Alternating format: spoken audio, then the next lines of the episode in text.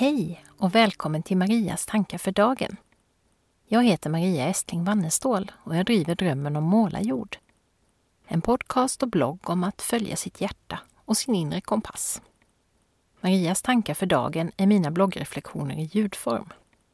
Fram till och med julafton är mina tankefrön en del av årets julkalender som jag hoppas ska inspirera till reflektion eller samtal.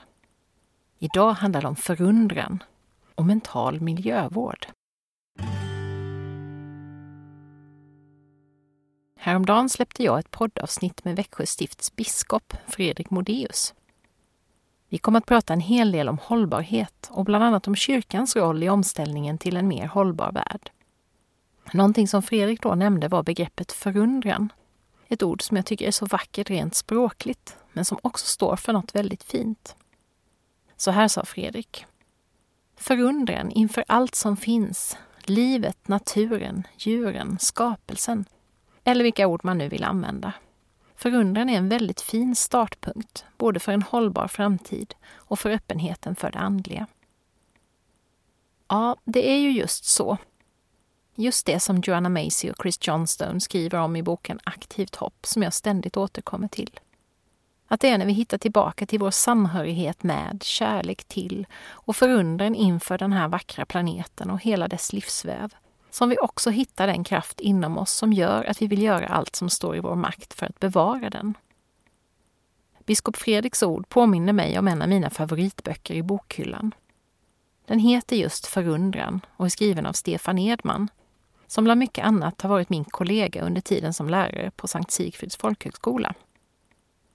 Jag hittade tillbaka till tankar kring det här temat på min förra blogg, Livstid, där jag skriver för att vår planet ska överleva behöver vi förändra vår västerländska livsstil ganska radikalt.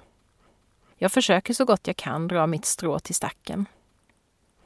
Men vid sidan av yttre miljövård, såsom att handla ekologiskt och undvika att ta flyget, kan man också tänka sig en sorts inre eller mental miljövård. Om detta skriver en av mina husgudar, Stefan Edman, i sin bok Förundran. Det handlar om att få fler att utvecklas från att vara missnöjda nappsugare som tröstar sig med materiell konsumtion till att sätta sociala och andliga värden i fokus för välfärden.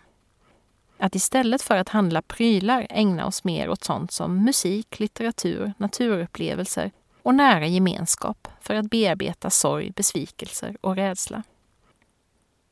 Ja, visst finns det mycket att förundras över och njuta av som inte skapar en massa ekologiska fotavtryck.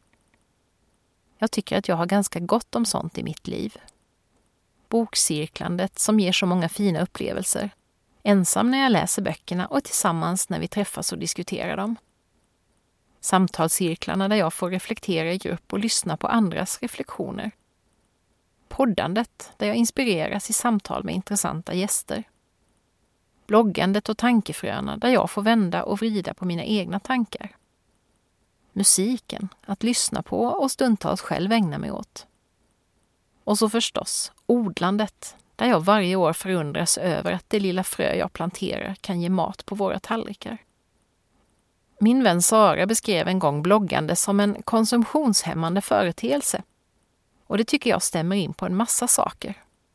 Det är helt enkelt roligare att blogga, podda, samtala, läsa böcker, sjunga och odla än att shoppa. Mental miljövård känns inte ett dugg betungande när det finns så mycket att glädjas åt och förundras över. Idag är min fråga till dig, vad förundras du över just nu? Och vilka sätt har du att bedriva mental miljövård? Att skapa glädje och förundran utan stora ekologiska fotavtryck? Tack för att du har lyssnat och välkommen tillbaka till en ny kalenderlucka imorgon. Hej då!